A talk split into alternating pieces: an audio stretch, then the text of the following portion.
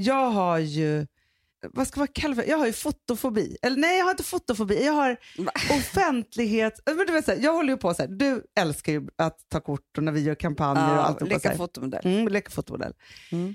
Jag kan tycka om det i, i perioder. Mm. Samma sak med så här programledarlivet. Och så här, jag har Ja. alltid bara kunnat gjort saker och ting i perioder. Så jag var tvungen att backa Ja. tillbaka lite och så här, känna mig duktig och göra Ja. riktiga saker. Så, Ja. så, så har jag liksom den som pendlar. Mm, Men, det är, men alltså, det här är ju supersorgligt för att det handlar ju om eh, min uppfackade barndom. Att eh, Den enda gången jag dög var typ för att jag var snygg. Du tror att det är därför? Men han, det är klart att det är därför. Fast jag är samma fast åt andra sidan myntet då. För, att, för det här är också min uppfuckade barndom för att jag inte ska vara snygg då. Men jag säger Förstår det, du? Så att det här är ju så här, du och jag har ju fått, det är så ja, fruktansvärt. det är fruktansvärt. För att Alex skulle göra någon sån här eh, eh, omslag. Mm. Eh, och han bara, åh gud jag tycker det är så jobbigt, jobbigt, jobbigt, jobbigt, jobbigt, jobbigt. Alltså för att han, hans mamma sa ju alltid att han var så ful och konstig när han Ja. var liten. Ja, men du vet, så, här. Så han kom hem därifrån och bara, gud vad skönt nu den här dagen slut, jag vill bara basta av med den typ. Jag bara, aha, efter en sån dag, då känner jag mig så duktig. Ja. Om vi har så här plott. Då känner jag mig så här, idag har jag varit så duktig, så duktig, så duktig. För att jag har förstått, så här, försökt vara snygg framför kameran. Alltså det är ju så sorgligt Hanna så att jag, jag, jag har inte ens ord för det. Fast grejen är ju så här, att få att kunna liksom njuta av den uppmärksamheten tror jag skulle vara väldigt härligt om man kunde göra det. Men det är så här, alltså, men det är också så här, sorgligt. när du och jag var på Beyoncé och man såg hur hon njöt av Ah. så här, den uppmärksamheten när hon stod där på scenen, eller i alla fall kunde låtsas det. Men för mig så är det så här, för jag kan också så här, eller om vi har plåtat en hel dag, då kan jag komma hem och så här, man känner sig snygg, man är så välsminkad, liksom, jag känner mig, då ska jag känna mig som att så här, jag är liksom Hollywood, kom direkt därifrån. Alltså så här, jag känner mig sexig och snygg. Och liksom så här. Ja, så men det, det beror, ger mig massa beror saker. jättemycket på vad man har varit med för folk. För Ja. har man liksom en Maria Monti och Erik Broms, ja, men då är man ju Beyoncé när man går därifrån. Ja, för, att de, är så bra behandlar en som den man känner Men sig så däremot så är bekväm. det så här, för jag har ju alltid motståndet innan. Ja. Men, och då tror jag att det är liksom såna gamla, kommer kläderna passa, hur kommer det här, Ja. hur kommer det kännas, tänk om någon har valt fel, tänk om jag kommer tycka att jag är ful. Alltså så här, Mm. massa olika så här regler som jag vill sätta upp för det, för att jag är inte trygg förrän jag är trygg. Nej. Men det som jag kom till då, för nu har vi ju så här, eh, ja, nu vill jag liksom men så här, jobba mer som vanligt, inte vara så profilig. Vi har ju liksom hållit på med Mm. jättemycket liksom, så, sådana fotomodellgrejer i massa, massa år nu. Ja, men för att vi Så. hade eget klädmärke Ja. och eh, släppte hårprodukter. Alltså vi har gjort Och så jag mycket. bara, ja jättebra, nu har ni tagit en bild, det räcker. Typ, Ja. så, så, så är jag, ja, men så här, inte så trevlig. Men i morse tror jag att det tog, då, då sitter jag och bläddrar i en eh, tidning. Ja. Så är det ett underbart eh, bröllopsreportage. Ja. Nej, då är jag arg på, alltså förstår du, Filip har inte ens friat, vi är inte ens i närheten av det. Mina eventuella framtida bröllopsbilder. Hur patetisk är man inte då? De stod i någon ruin och jag bara "Ugh!" Jag vet inte vad det är med mig med det, men det det där är också så här. Jag, det finns ingenting som jag gråter så mycket på, på film eller tv när någon friar, Ja. eller gifter sig. Mm, mm. Alltså det är mitt Mm. mest, och jag är superromantisk tycker att det är så här. Samtidigt som det är liksom, jag har också en hang-up på det. Du har det. Jag menar, fast det är allt det här, så här att man ska göra sig som en prinsessa. Jag vet, jag vet. Och, Och man ska har ta ju- kort. Du har ju varit liksom, så arg eh, på dina bröllop. Ja, och Alltså- vet du vad som hände häromdagen? Nej? Jag, när jag höll på att packa ihop här innan jag skulle åka till Gotland, då hittade jag min bröllop, senaste bröllopsklänning. Mm. Ja, som jag ju har hånat på det sjukaste sättet Ja, här gud, i, i ja. podden. Ja. Ja. Och då så satte jag på mig den. Vet du hur vacker den var? Nej men du skämtar. Nej men den är så vacker. Den är så... alltså, Hanna, det är Ida måste jag bara Lanto som har gjort det som gör varenda kändisklänning nu. Alltså, så här, Ja. överhuvudtaget, så här. Den var så vacker i helspets med liten ärm och som tvådelat och ett jättelångt släp ju. Men Hanna, får jag säga en sak? Ja. Det var ju dåligt väder igår. Mm. Mm, det är det idag också. Jätte. Mm. Och det är någonting tror jag med den här ön och liksom när man kommit ner i varv och det blir dåligt väder och sådär som gör att känslorna kan liksom hopa, alltså när man, så fort det är fint väder och sol och alltihopa så, så kan man ju bara säga det är ett flow. Ja, ja. Mm. ja. När dåligt väder är det inte ett flow. Nej. Vilket gör att alla känslor man har, de liksom sitter kvar. Man kan inte göra sig av med dem. Nej. Förstår du vad jag Ja, menar? ja, jag sa ju det här till dig innan. Vilket gör att jag eh, då fick ett känsloutspel och framförallt så handlar det om att jag är så arg på mig själv för att jag är så konflikträdd och det kan vi ta sen. Men då gav jag mig vrede ut på en promenad, visste du det? Nej, Igår kväll Hanna, jag gick varvet själv. så bra Jag ju. lämnade hela familjen Ja. och sa så här, hörni vet ni vad, Ehm, Jag måste jag, måste, jag måste gå. Ja. Jag kommer tillbaka som en solstråle. Det var vuxet av mig. Jättevuxet. Och då när man är på så irriterad, då kan man heller inte lyssna på vad som helst. För då, man kan irritera sig på dem också. Då. Ja, ja, ja, det kan bli vem som helst kan åka Ja. skott in den. Ja. Men en person kan man lyssna på jämt. Och det är Oprah. Ah. Mm. Mm. Och då lyssnade jag på hennes intervju med Jennifer Lopez. Men det som var intressant, jag ska komma till med din bröllopsklänning, Mm. var att Jennifer Lopez nu när hon var 50 år eh, blir uppringd av Donatella Versace Mm. som är en god vän till henne Just det. och säger att nu är det 20-årsjubileum eh, för din eh, klänning, Jungle Ah. Dress, du vet Ah. den gröna Ja, som hon den hade med glömmer jag aldrig. Ja. Hon bara, gud vad kul liksom. Då kanske jag kan komma på visningen. Hon bara, nej, du ska avsluta visningen i samma klänning. Jag bara, men gud, det kan inte jag göra liksom. Ah. Sen bara, jo, det är klart att jag kan. Det är väl skillnad på att vara 30 och 50, Ja, ja, ja, ja, verkligen. såklart. Hon bara, men sen sätter jag på mig den där klänningen och bara känner att jag trivdes så mycket bättre i den idag Ah. än vad jag gjorde när jag var 30. Gud, jag gjorde en J.Lo. Du gjorde det, Anna. Får hon bara titta på de här bilderna också. Nu ser jag, såg inte jag bilderna för det var ju podcast. Ja. Men då säger Oprah, gud vad du är så mycket gladare ut nu än på den bilden. Mm. Man ser ju. Såklart. Och hon bara, jag, jag bara gick där ba, backstage och hade den här klänningen på mig och jag bara kände att min kropp är så stark. Jag har Mm. äntligen blivit lycklig. För att hon var inte så lycklig när hon var 30. Nej. Och det var så jävla kul att gå ut där i den där klänningen. Ah. Det kanske var så du gjorde med din bröllop. Alltså förstår du, du kanske ska Ja, gifta men- dig i samma klänning. Exakt, Bara kan man make it- göra det? Nej men vet du vad, make a statement. Ah. Att det inte har med klänningen att göra. Ja, det är bara för jag jag, kommer jag. ihåg att jag hade ju en parfym som jag var så olycklig. Och jag älskar den parfymen men jag hade haft på mig den när jag var olycklig och det påminde mig om det. Precis typ med min förlossningsdepression. Och sen så några år senare bara gick jag och köpte den igen och tog på mig den för att det var så härligt att känna att nu kan jag ha den och lyck- det är samma doft men nu är jag lycklig. Ja, för grejen är att det finns ju någonting när man har laddat in saker och ting i ett plagg eller en parfym. Eller, alltså så här, det har ingen betydelse överhuvudtaget. Nej, men för jag tänkte också så här, för, men det här, och det här har jag ju pratat om förut, att jag ju, jag hatade att ha klänning Ja, ja. överhuvudtaget. Så för Ja. mig så var det så att jag hade klänning och sen så under det senaste året så bestämmer jag mig för att nu ska jag bli en klänningsperson och bli det på riktigt, tycker att jag är fin av det. Ja. Och sen också med min operation och liksom allt, allt som jag har gjort så är det så här, någonting helt annat såklart. För den var ju väldigt tight och liksom så och jag kände mig nog liksom väldigt naken i den på ett Mm, sätt. Liksom så. Mm. Och nu kände, tänkte jag bara wow. Men du ser! Ja, och kanske jag kan stå i en ruin och posa. Och inte i din jävla page, förlåt. Nej, Men nej men alltså, skulle jag hade sparat ut något jävla långt hår som jag klippte typ dagen efter jag hade, liksom, för att jag gift mig så hade bara så här, hade, då, då gick jag och klippte mig. Jag minns det så väl för att jag var så här, vad fan har jag gjort? Typ så. Mm.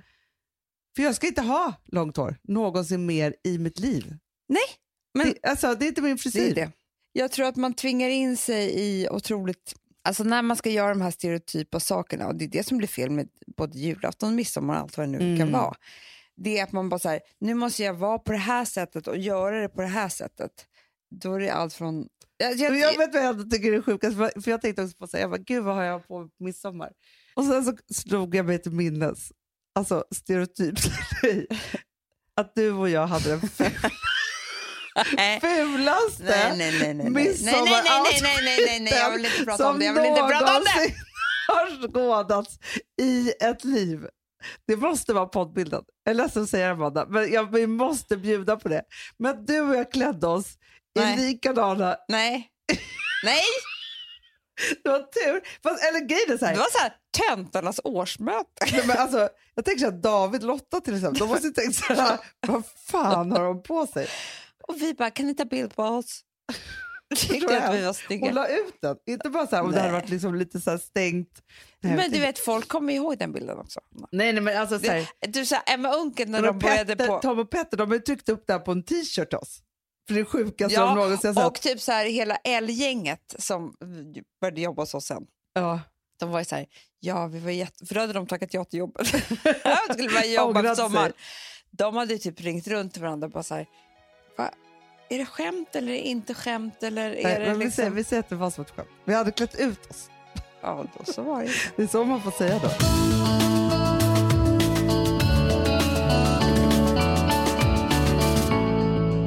Vi har ett betalt samarbete med Syn nikotinpåsar.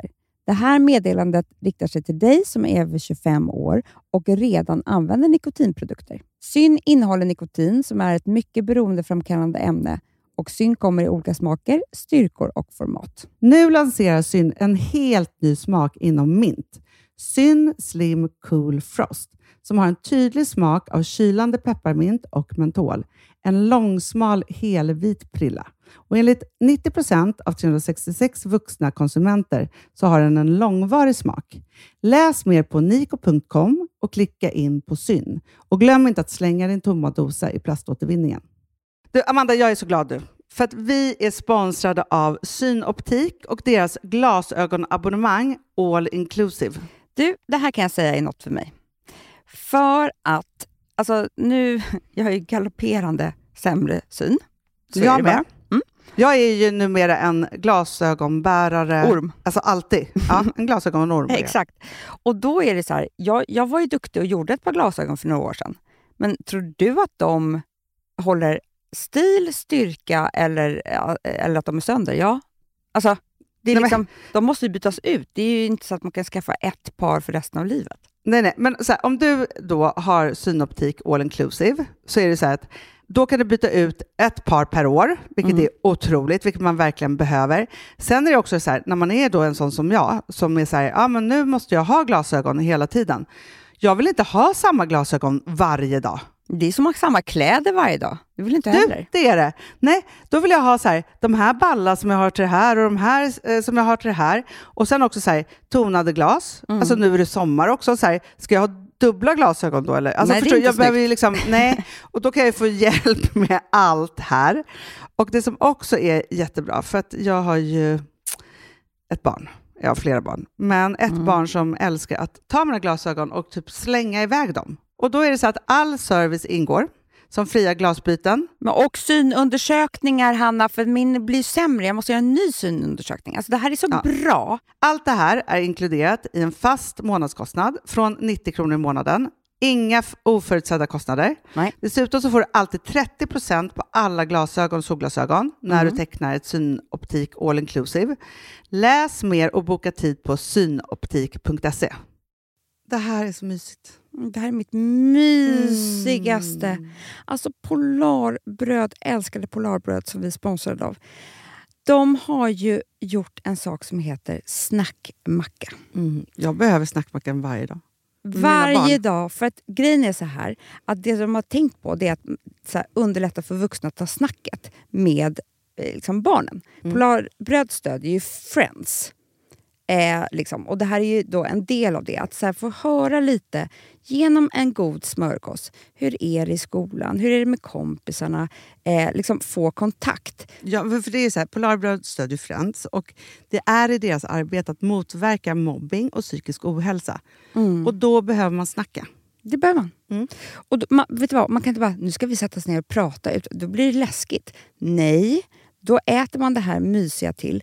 Och det de har gjort som är så kul tycker jag, det är att man kan skicka en musikinbjudan Ja. till sitt barn. De har gjort tre roliga musikinbjudningar Mm. och så skickar man det till barnen när man bjuder in. då. Det är som en inbjudning till det är så Snackmackan. kul. Ja. Varje inbjudan kan göras mer personlig genom att man väljer den musikstil som liksom, barnet gillar bäst. Mm. Så. Eller den musikstil som man själv gillar Ja, bäst. det- ja, alltså, det, det kan vara lite olika. Eh, så. Nej, men det kan vara så hiphop, eller rockballad eller ja, elektronisk dansmusik till exempel, Amanda. Mm-mm. Så. Nej, men, och så här, de här tre låtarna är då AI-genererade. Mm. Ja. I låtarna då, det här är så kul, kan flertalet personnamn läggas in. Gud vad kul. Det är så kul.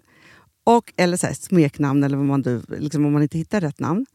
Och då, gör ju, alltså, då blir ju låten liksom personlig. Alltså gå in på polarbröd.se, eh, läs om den viktiga snackmackan och så kan ni skicka en sån här musikinbjudan.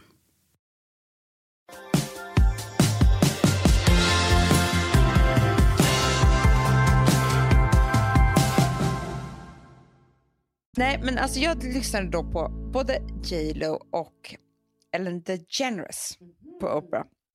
Som kom ju ut hos Oprah 1997. Nej. Jo, så spännande. because I never thought it was anybody's business who, who I am and who I am with. And so I thought, why do people need to know? And then I realized that as long as I had this secret that I worried about all the time, that it made it look like something was wrong. Vi, vi har ju det här underbara programmet som heter Välkommen ut Ja. med Edvin Törnblom. Alla måste lyssna. Ja, nu är fantastiskt avsnitt ute med Kakan Hermansson. Men då tänkte, för det lyssnade jag på också innan på dagen. Och då tänkte jag på att det är jävla skillnad att komma ut nu som att komma ut eh, 97 i USA. Gud ja. Två helt olika saker. Ja, men det Oprah då pratar om som hon gör så bra är ju så här, vad det än är, alltså det, det, det handlar inte om att vara homosexuell, eller, det handlar om precis allting man har som är en hemlighet. Mm. Det, om du har en hemlighet som du inte kan berätta för någon om dig själv så, så lever du ditt liv i lögn. Det är the lie of your life, Mm. kallar hon det för.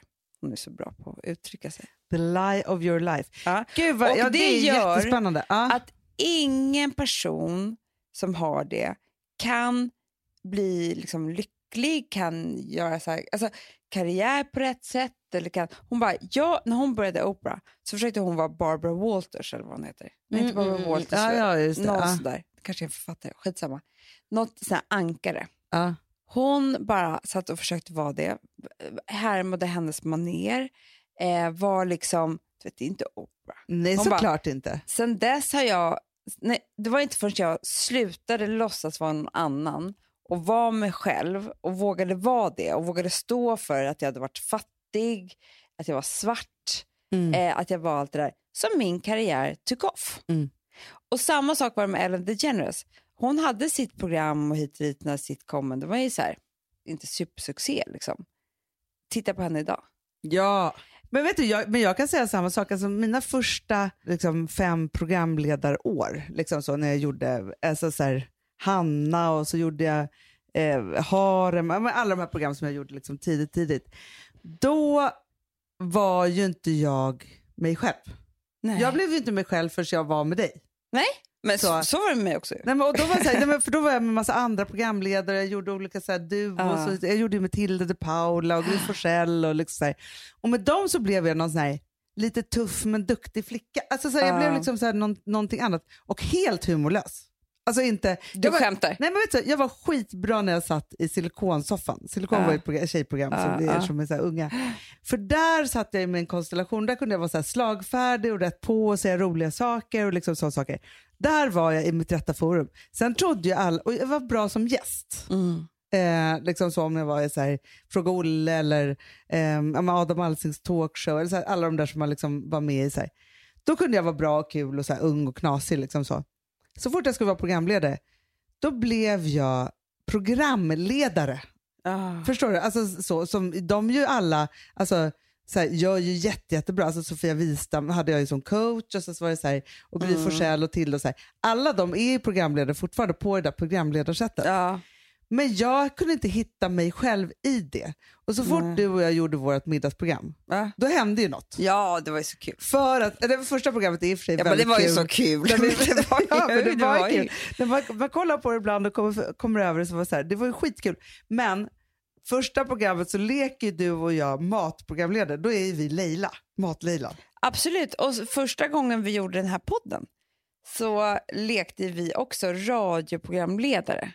Eh, och läste dikter och hade någon manus och allt vad det nu var.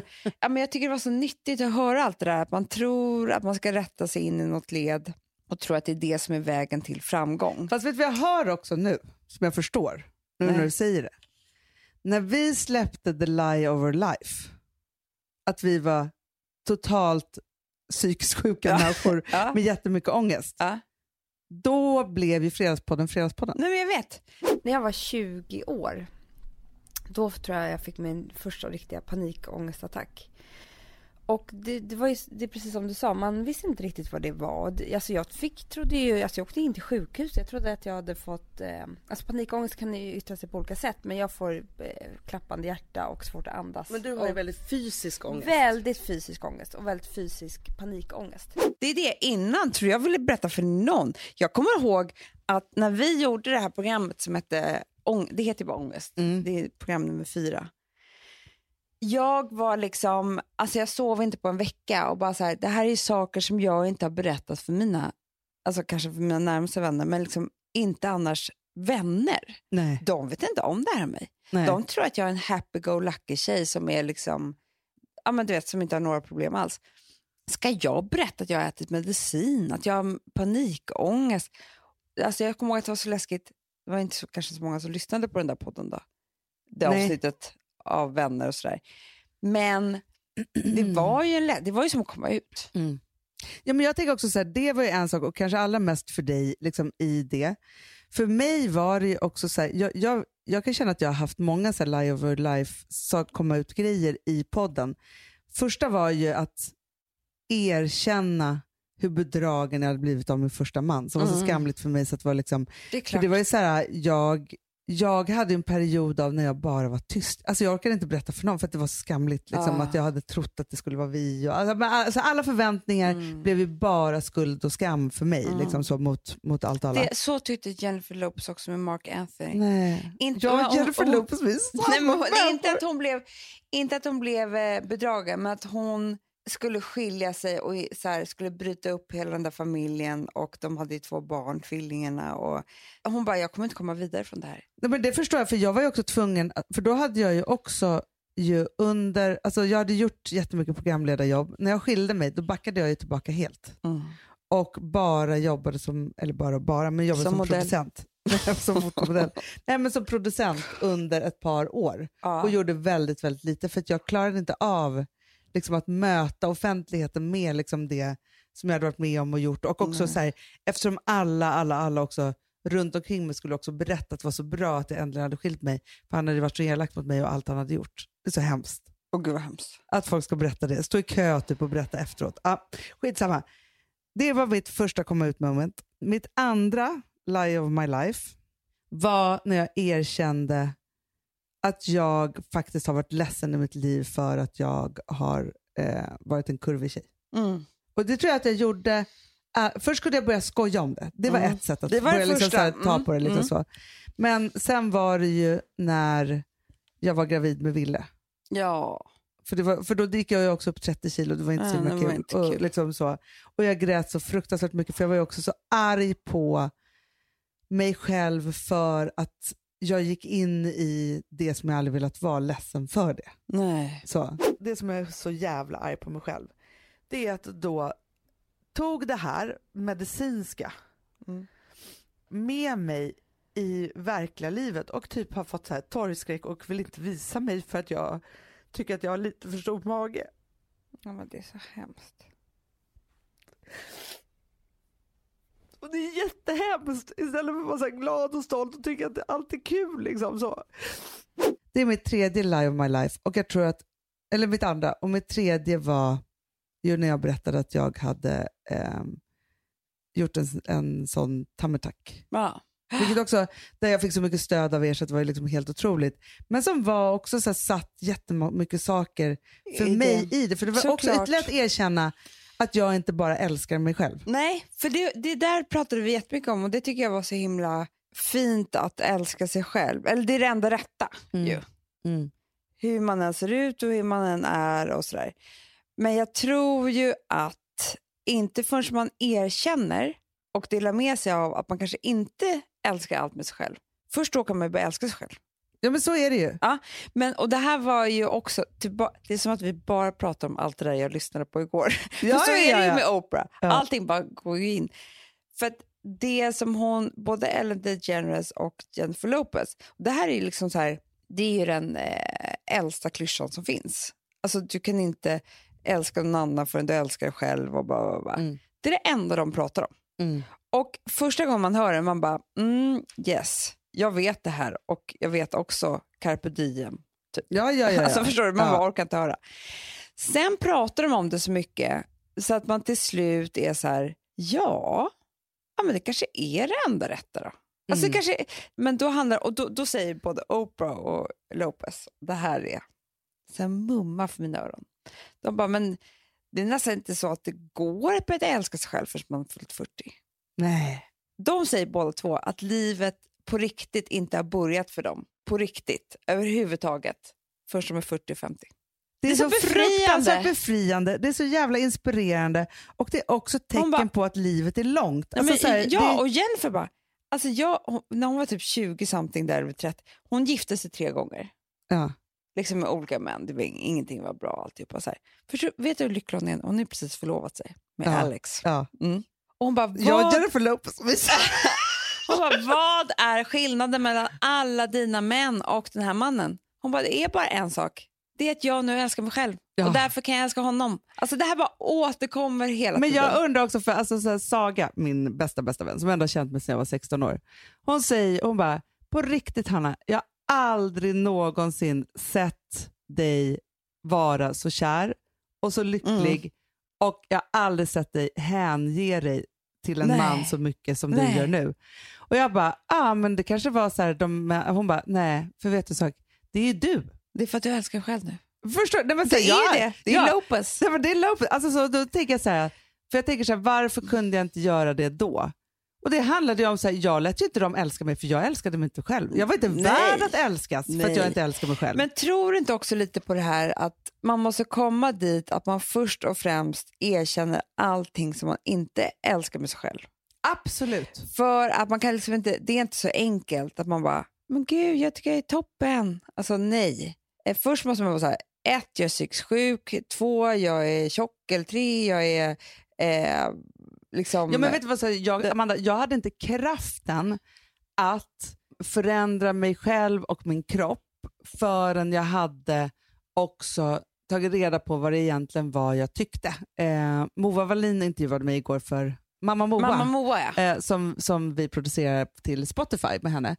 Och då pratade vi just om kroppskomplex och liksom den här känslan av att så här, man, ja, men liksom vad som händer med kroppen under graviditeten och så vidare. Så här.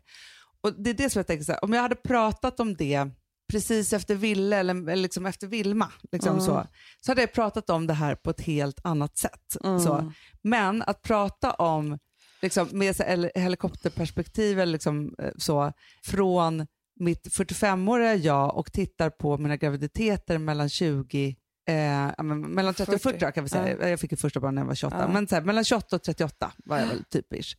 Så är det ju liksom, jag hade kunnat prata om det, ja, men så här, jag kan ge goda råd och liksom sådana saker. Men framförallt så vet jag ju också vid 45 att man är så, så tillbaka lutad i skönhet. Alltså förstår jag? Man är så relaxad i det. Så att man är så här, ja men det är klart att så här, om man ska ha två till tre barn eller ett barn eller hur det nu är och kroppen åker upp och ner och hit och dit, man har ingen aning om hur man ska se ut efter och hit och dit. Så, så var jag bara säga, jag bara, vet du, efter man har gjort det där, Mm. då kan man ju göra vad som helst med kroppen. För då, det är så här, Ja, alla vi de, de här vi har sett som är så här, mellan 40, först har man fått tusen barn och så mellan 40 och 50 så bara blir de starka och tränade och de har tiden Mm. och liksom alltihopa så här. För det är också det, så, och det enda jag kunde säga då var så här, att vara förlåtande, så förlåtande man kan då mot sig själv. För man kan inte under alla de här åren som man ska göra de där sakerna också vara perfekt i det. Nej. Och sen Nej. är det också så här, efter för då ser man ju också så här, vad är perf- att vara perfekt då? Nej men det är ju det. det är att, vet du vad att vara perfekt? Det är att älska sig själv. Ja. Det är det enda, det är det enda som liksom rymmer in i att vara så här, gud vad bra jag är.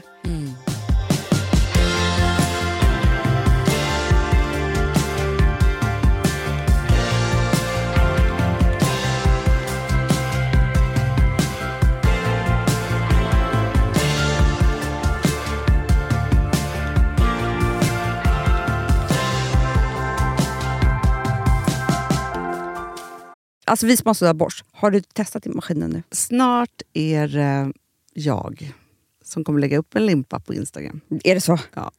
Är det så? Det som har varit så svårt för mig, Amanda, det är ju att bakning, alltså så här, matlagning, då kan man ju göra lite Mm. hejsan hoppsan. Bakning är kemi. Ja, och vet du vad som också har varit svårt? det är ju att du kan inte... Så här, alltså, tomatsås så kan du ju salta och peppra och allting med tiden och smaka Mm. av.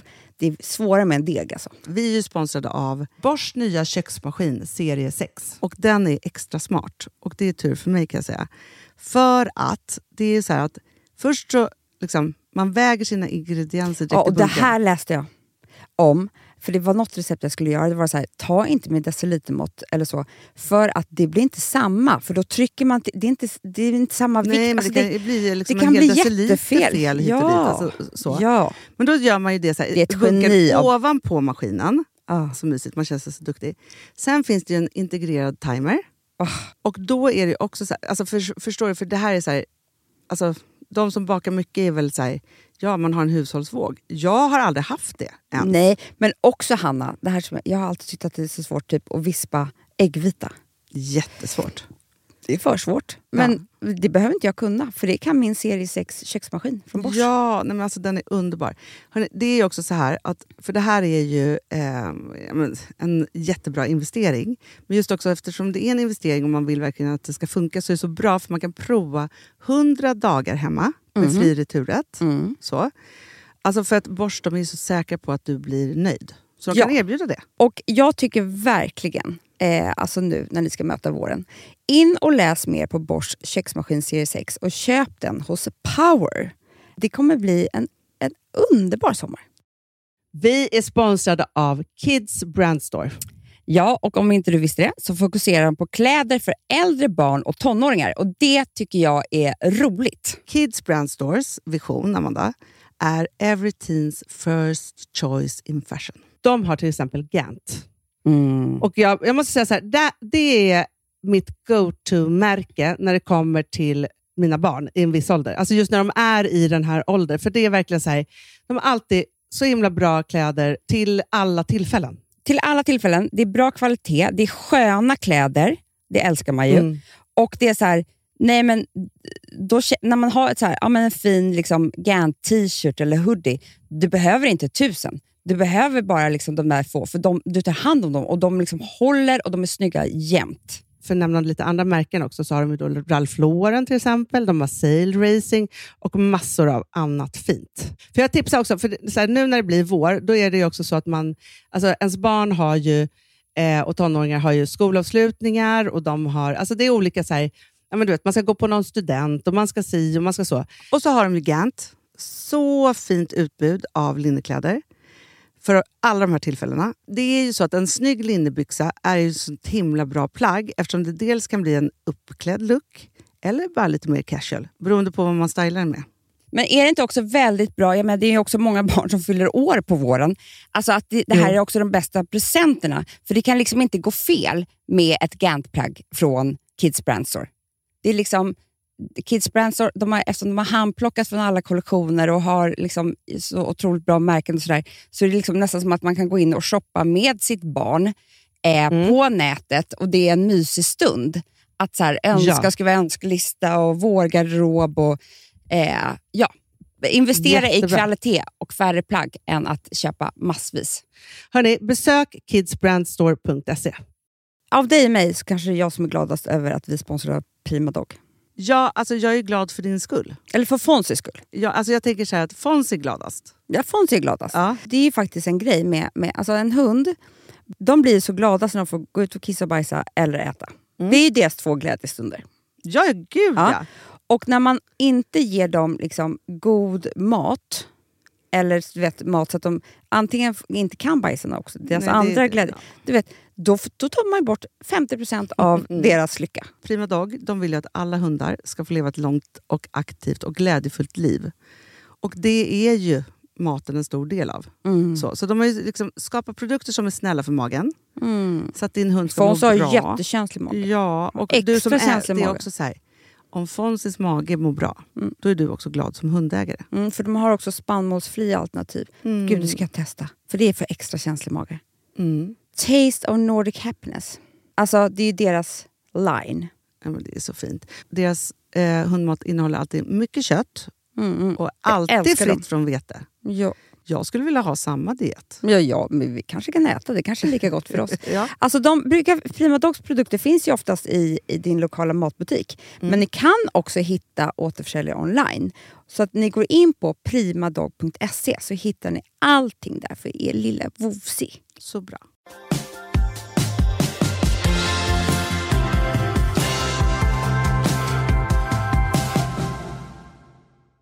Vet du vad Hanna, jag har aldrig riktigt så här uttalat det speciellt mycket att jag är så konflikträdd. Nej, det har du faktiskt inte. Det har inte varit en del av min... Nej. Liksom. Har du pratat om det i terapin på något sätt? Nej, jag vet inte varför det har bubblat upp nu. Nej, det är Men- för att du har väldigt många grejer att ta här nu som kommer så här nära. Ja. Men för, vet du vad jag säger? Jag tycker inte att du är så konflikträdd på jobbet. Jo, Hanna, det är jag ju. Jag vill inte säga att någon har gjort något dåligt jobb, inte att någon har gjort något, någonting dåligt. Jag vill bara säga att ja, men det går bra. Ja, i och för sig. Hanna, tar du det? ja. Nej, Hanna, jag vågar inte ens vara samma. Jag har nu förstått. Alltså igår blev det som, du vet den här, eh, det misstänkta.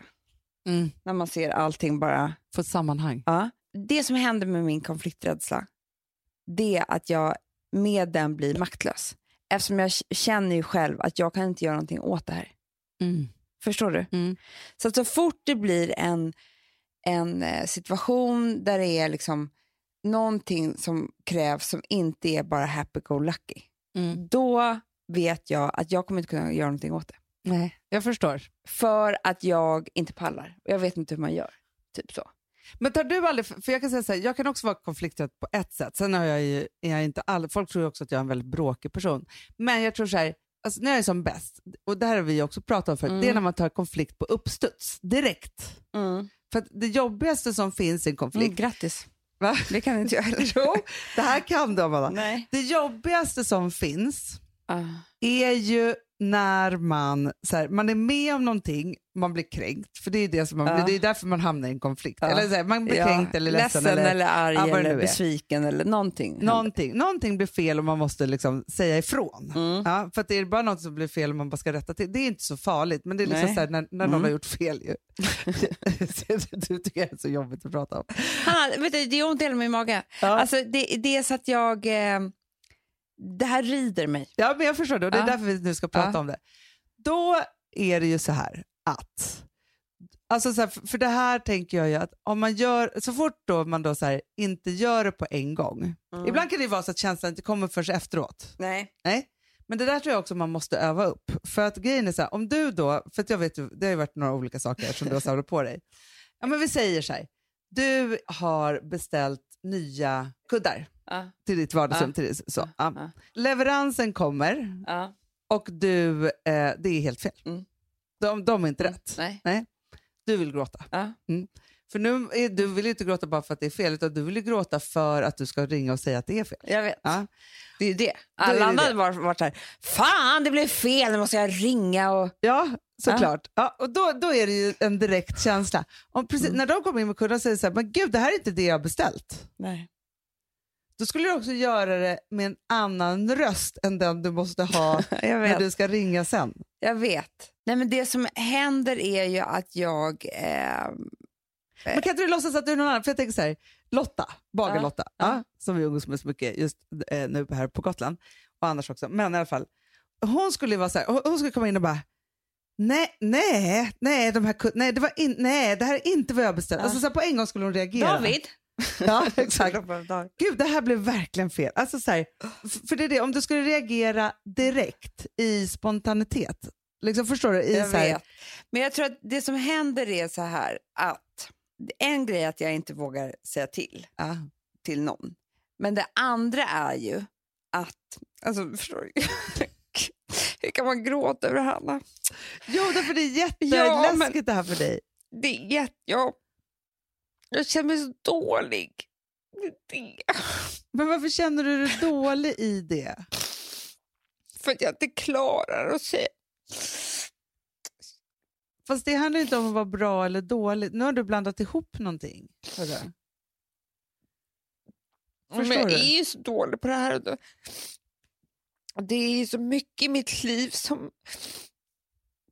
som kretsar sig kring det här. Alltså jag, alltså, det här är bara små, små saker, men när det är mycket saker, då blir jag ju dålig hela tiden.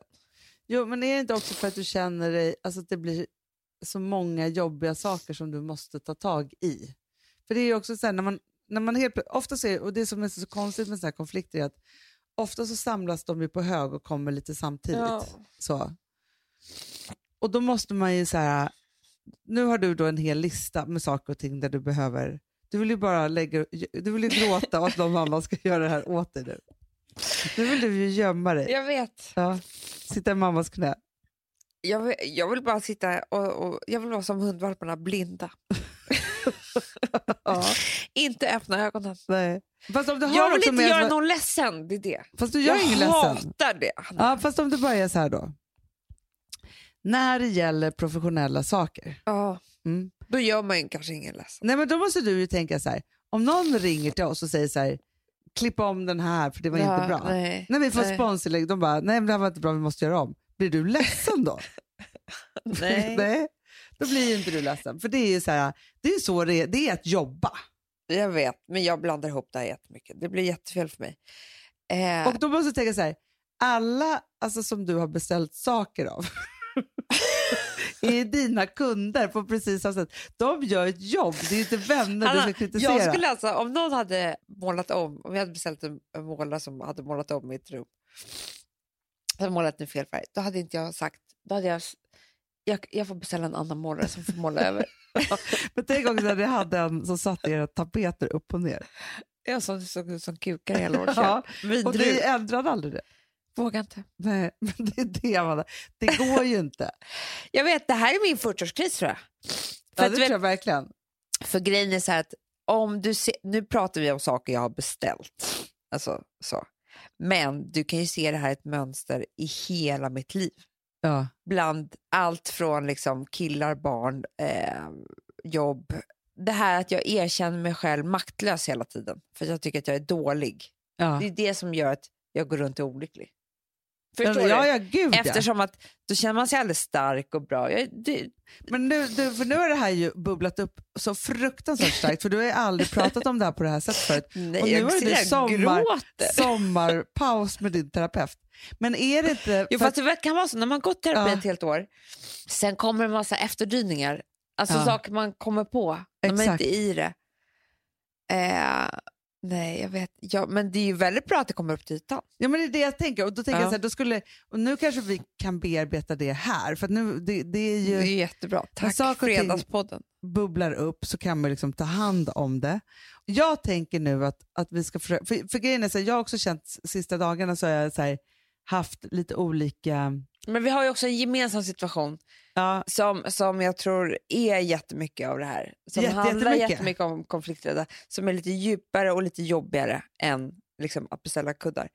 Eh, ja och den, den- gör ju, för, för där är det också så här, varje gång som jag inte i den situationen river ifrån på en gång så samlas det på en Ja. liten hög, Ja. eller liksom så, som är otroligt ohälsosam för mig. Jätteohälsosam för mig också. Och, alltså, Och jag, också för andra, för vi sprider ju också, jag, i morse hade jag dåligt samvete för att det känns som att vi sprider den här dyngan som, som Ja. så att det är andra som inte behöver ha den dyngan i sitt liv. Liksom så. Hanna, det är både du och jag behöver. För man kan ju vara jättetuff i vissa situationer, men just den här situationen är du och jag som två jävla... Femåringar. Ja. Så är det ju. Mm. Nej, men, och det är jättehemskt. Och det är också så här, för de jag tror det är två- därför det blir så känslosamt för mig. Såklart. Och det måste du erkänna, att det blir en maktlöshet. Mm. Total maktlöshet. Så det som jag kan bli irriterad på det är att när man har varit med om en sån sak och inte rivit ifrån på en gång, då blir det ett surr i hjärnan som tar Mm. över jätte, jättemycket tid att tänka på hur man ska ta sats och göra det här. Ja. Och då bestämmer man faktiskt, alltså, eller har jag gått, jag har faktiskt inte bestämt det helt hundra, jag kanske gör det nu, men att vara så här, jag låter den där situationen passera. Ja. Jag har markerat på ett sätt men inte så himla rakt som jag Nej. skulle vilja göra. Nej. Liksom så. Då tänker jag så här, nu då, om jag släpper den konflikten och så, så har jag markerat på ett sätt för att sen bestämma mig för att vid nästa sån sammandrabbning Mm. tar, markera och tar på en gång. Som är ju det bästa. Som är ju det bästa. För, att jag klar, för det, det som du gör nu varje gång Mm. som det blir fel Mm. är ju, är ju den där liksom, bearbetningen av det som gör att det blir så fruktansvärt jobbigt. Men, och det, det här nu kommer jag på att egentligen så har jag pratat mycket med min terapeut om det här.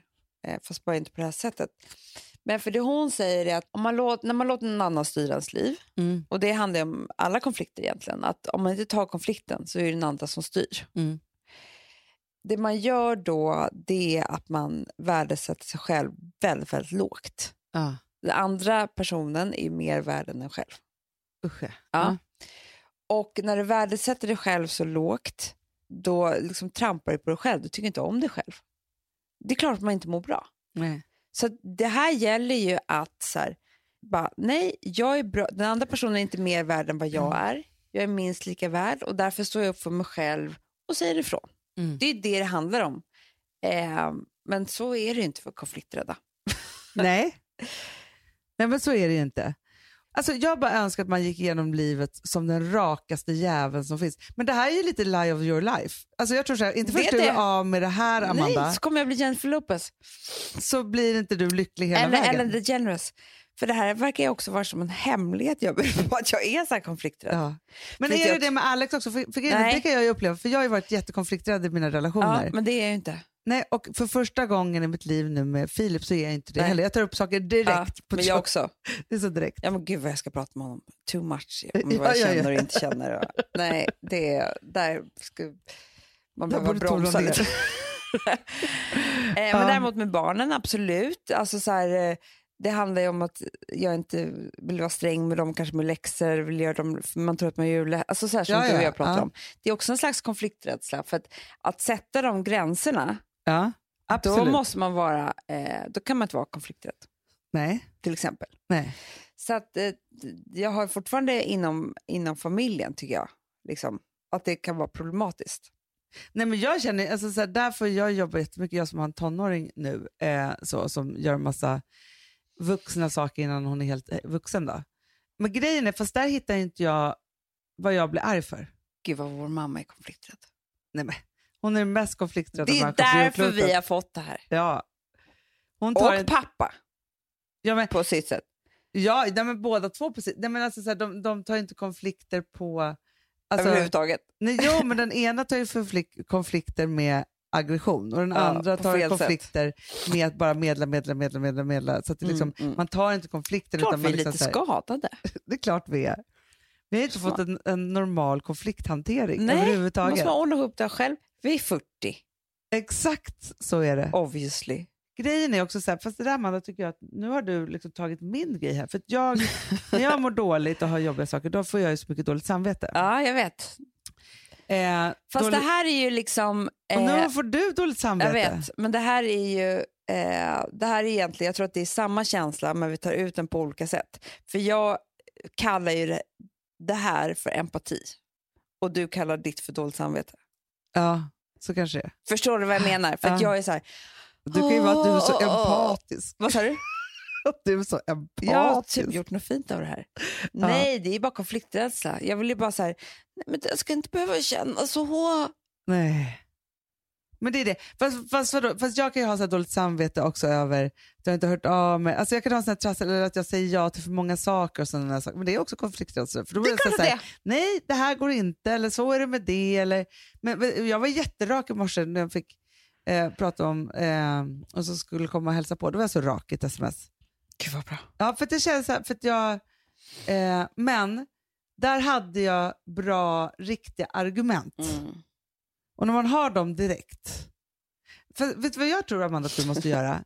Jag tror att du måste förbereda argumenten Ja, i inte dig. bli överraskad hela tiden. Nej, för det är det som att inget skulle... För att överraskad eh, när Det är någon inte är bra. så här, nej, men då, då blir ju inte det bra. Eh, och då är det så här till exempel så här, du måste ha eh, liksom en arg- argumentation för dig själv eh, när det är saker och ting som du har beställt och det blir fel. För det här händer dig jätteofta. Jag vet, jag vet. Ja, så, det är en sak. Ja. Sen är det så här, du blir eh, ledsen av någonting som en familjemänniska eller familjemedlem Medlemmar. eller vän har gjort. Mm. Hur säger du till då på jag en gång? Mm. Och det där är faktiskt en jättebra, att man, alltså om någon säger så här, alltså, för jag var med om det häromdagen, eh, det var en familjemedlem, det var inte du då, det, var så här, det är så få här som göra det, men som, som sa till mig på ett sätt, Ja. eh, liksom så, så jag blev som att jag var 11 år och liksom hade gjort fel. Då borde jag ha sagt så här, vad menar du? Mm. För bara den meningen gör att så här, då måste den andra förklara sig och det har inte den tänkt. Nej, för den bara, liksom, eh, precis. För det är så här, egentligen man kan ju inte förbereda så här, att man bara vad säger du? du för du är så här. Alltså, det, man ska inte heller anklaga människor heller, Nej. utom om man ska vara den större personen. Nej, och det blir, bara, det blir aldrig speciellt bra. Nej, då ska man bara säga så här, om någon då säger så här, gud du, du, eh, du gör inte det här och det här bra. Mm. Vad menar du? Mm. Då måste, alltså, ofta kommer inte bara säga så här, jaha, för jag blir jätteledsen såklart Ja, när du säger och så, jag för tycker jag gör inte mitt bästa samma. här. Ja, jag tycker säga. inte samma. Nej, jag håller inte med dig. Som barn. Exakt, jag tycker inte så. Nej, men jag håller inte med dig. Och om du tycker annorlunda så behöver du inte vara med i det här. Nej. Så, Som- punkt. Precis, Då man förbereder man sig med det. Gud, jag, ska ha så mycket, jag kanske ska ha så här lappar i fickorna. Du vet. Men jag tror det. Men jag behöver också det. Alltså jag behöver vara så här... eh, ja, men när, folk, när folk går över ens egna gränser så måste man vara så här... Ja, och det här är ju precis då, nu tillbaka till Jennifer Lopez eh, och Oprah.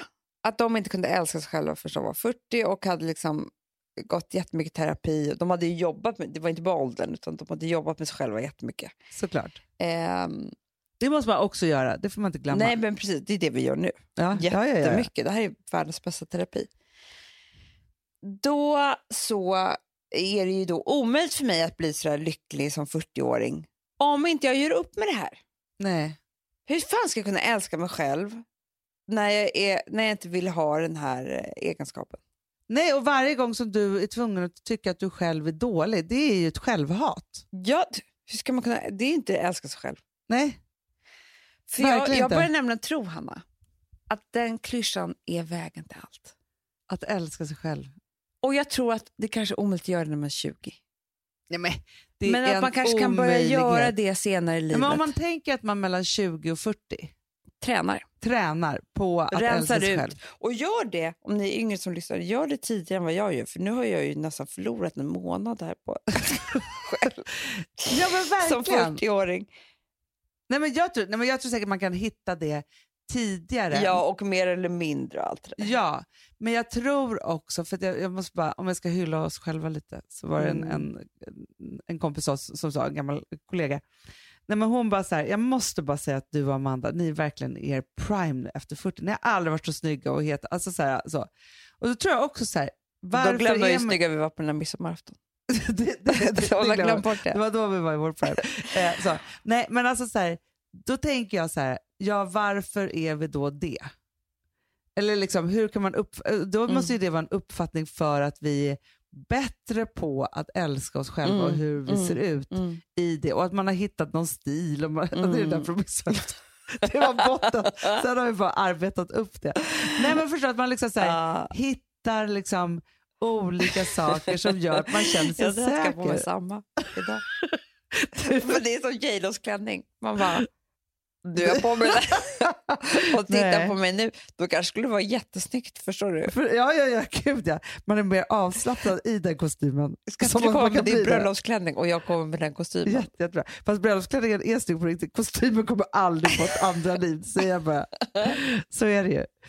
Nej, men vet du vad jag tror? Jag, jag, jag tror att man måste så här, verkligen, man ska spara vissa saker som man gör entré i i annan, alltså efter massa år, för att ha som mätstock för vad Ja, man men det faktiskt kan ju har vara ju hamnat i resa livet. tillbaka till samma resmål. Bo på samma Verkligen. hotell. där Ligga man med samma kille. Ja, men Det, typ. det tror jag, det, det måste tror jag jag säga. jättebra. Jätte, jättebra. Ja. Förstår du, man har så här nervöst i så här, vid 25 legat med någon som man tyckte var urhärlig och läcker och, så här, och det blev lite så här, Och så hade man dåligt självförtroende. Och och ja.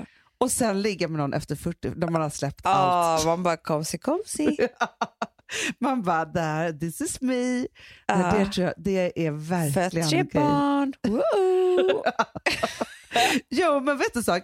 Det här är också så här, att man kan vara en skönare människa också efter, eftersom jag nu har träffat en ny efter tre barn. Så är det så här, eh, och nu vill vi inte prata om, om sex överhuvudtaget, men att det är så här, saker och ting som, så här, jag skulle aldrig prata om så här, kiss och bajs eller hit. Alltså så här, när man har barn så har man gått igenom alla pinsamhetsfaktorer så man är väldigt avslappnad Ja, på ja. ett väldigt så bra sätt. Ja.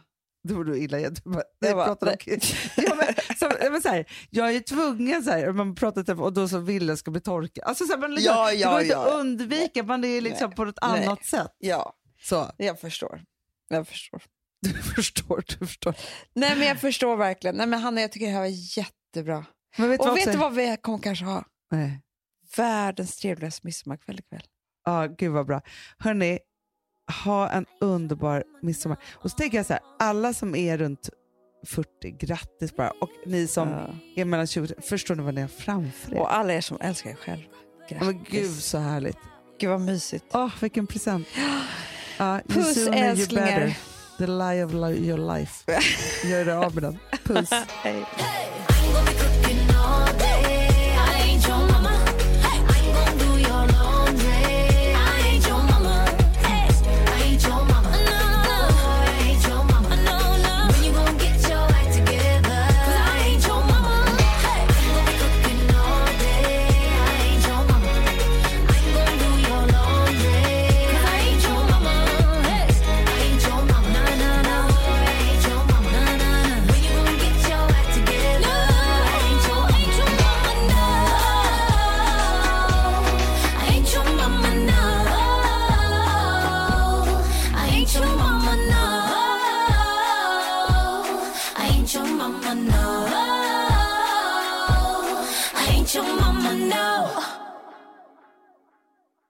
Här podcasten är producerad av Perfect Day Media.